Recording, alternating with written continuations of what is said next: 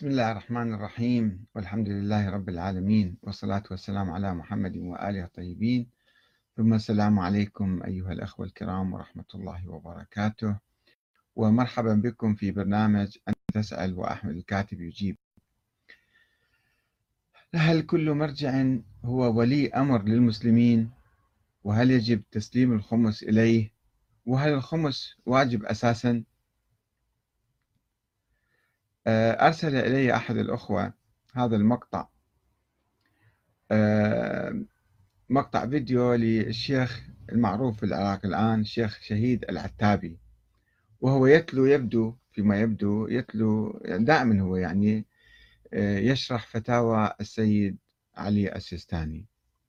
ويقول في هذا الفيديو عدة نقاط. يقول في أحكام الخمس يعني لا يجوز التحكم بأموالك إلا بعد دفع خمسها.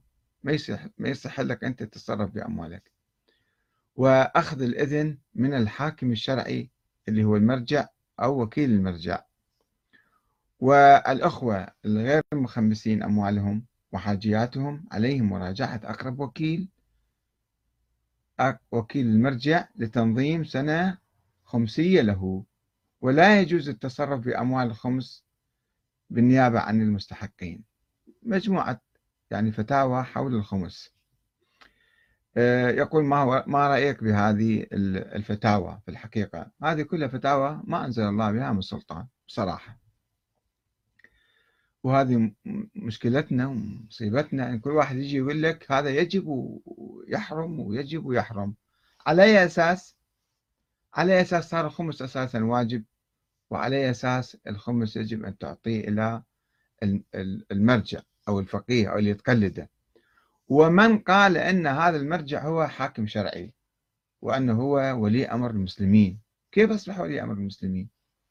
كل واحد درس له كم كتاب وقال لك أنا صرت مرجع صار ولي أمر المسلمين يعني هو الله معينه حاكم على المسلمين. أم أن الولي الذي ينتخب من الناس حسب الدستور وحسب القانون وحسب الشرع فيصبح ولي للمسلمين. هو طبعا يسن قوانين وقد يسن ضرائب أيضا ويفرضها على الناس فلأنه منتخب ولأنه ولي الولي هو الذي ينتخب. أما كل واحد فقيه صار حاكم شرعي وصار ولي أمر المسلمين. هذا منين جايبيه؟ ما أعرف منين جايبيه حقيقة. شيء غريب. دخيل على الإسلام ودخيل على التشيع حتى. هذا في اجتهادات بعض الناس. إذا ما نقول هذه بدع ونقول يعني أشياء دخيلة هي اجتهادات ظنية. بعض العلماء افترضوا فرضيات وهمية.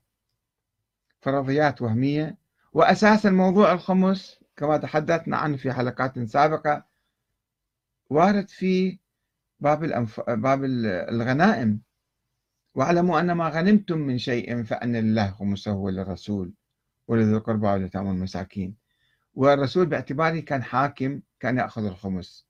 أما بعد ذلك لا الإمام علي أخذ الخمس ولا الإمام الحسن ولا الإمام الحسين. حتى الإمام علي كان حاكم وما أخذ الخمس. أما يجي واحد هو مو حاكم يقول أنا من قرابة الرسول مثلا. أو أنا مجتهد أنا فقيه فإذا أنا يجب تعطوني الخمس إلي ما, ما في دليل. هذا مو, مو صحيح. يعني هذا تأويل تعسفي للقرآن واستنتاج أحكام جديدة غير موجودة في الإسلام. وبالتالي مثل التشدد هذا. لا يجوز التحكم بأموالك. من قال لك ما يجوز؟ إلا بعد دفع خمسها. هو من قال لك خمس واجب؟ حتى تقول لا يجوز التحكم بأموالك الأخرى أيضا. وأخذ الإذن إذا تأخذ اذن من الحاكم الشرعي أو المرجع أو وكيل المرجع. منو نصب حاكم شرعي للمرجع؟ على أي أساس؟ هل هناك آية قرآنية؟ هل هناك حديث نبوي؟ هل هناك حديث من الأئمة؟ من نصبه حاكما شرعيا؟ وما يجوز تصرف أموالك إلا ترجع بسرعة للمرجع. فهذا كلام بالحقيقة ما له أي أساس ومو صحيح. وبعدين وين يروح؟ أكثر يروح للحوزات. والحوزات من تأخذ الأموال وتدعو مثل الشيخ هذا الشيخ شهيد العتابي إيه، يدعو إلى آه، إعطاء الخمس للمراجع. والمراجع بالدرجة الأولى بالحقيقة صحيح عندهم بعض المستشفيات وبعض الأمور الخيرية وشوية منا ومنا يعطون الفقراء بس بصورة رئيسية يعطون الحوزات والحوزات اللي يأخذون خمس بالتالي يأيدوا هذه الفتاوى وهذه آه، الفتاوى اللا شرعية. فتاوى لا شرعية. أن تعال جيبوا الخمس إلنا وليش؟ يقول إحنا نواب الإمام المهدي. ونواب الإمام منو نصبك نائب الإمام؟ أنت من نفسك قاعد تفترض نفسك. تفترض نفسك نائب الإمام.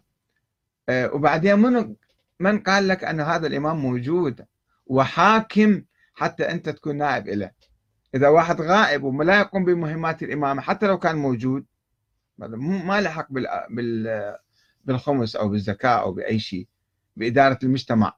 لأن هذه الأمور الله وضعها لإدارة الزكوات والأخماس لإدارة المجتمع.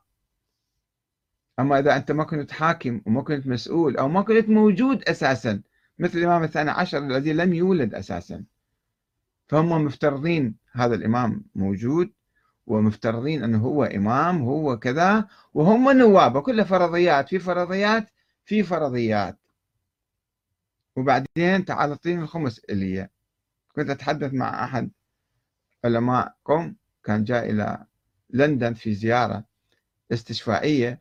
فحدثته عن موضوع قبل عشرين سنة وأكثر أنه هذا الإمام الثاني عشر فرضية وهمية يعني خيالية ما له وجود. ما ما عندنا أدلة شرعية على آه، وجود هذا الإنسان. فاستمع إلي بالحقيقة حوالي ساعة كنت أتحدث وياه. صديق قديم هو. آخر شيء قال لي يعني أنت هذه سفرة ممدودة وإحنا بدنا نأكل عليها.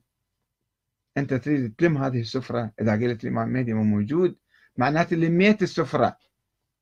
يعني بالنتيجة أن هم فارشين سفرة وفارضيها على الناس يجيبون أكل يحطون بهاي السفرة حتى هم يأكلون ويعيشون وبصورة غير شرعية. فيصبح هذا سحت يصبح حرام. هذا مال حرام يأخذوه من الناس. أنه أنا لازم تعطيني إلي. لا هو الإنسان إذا عنده أموال زائدة يعطي زكاة.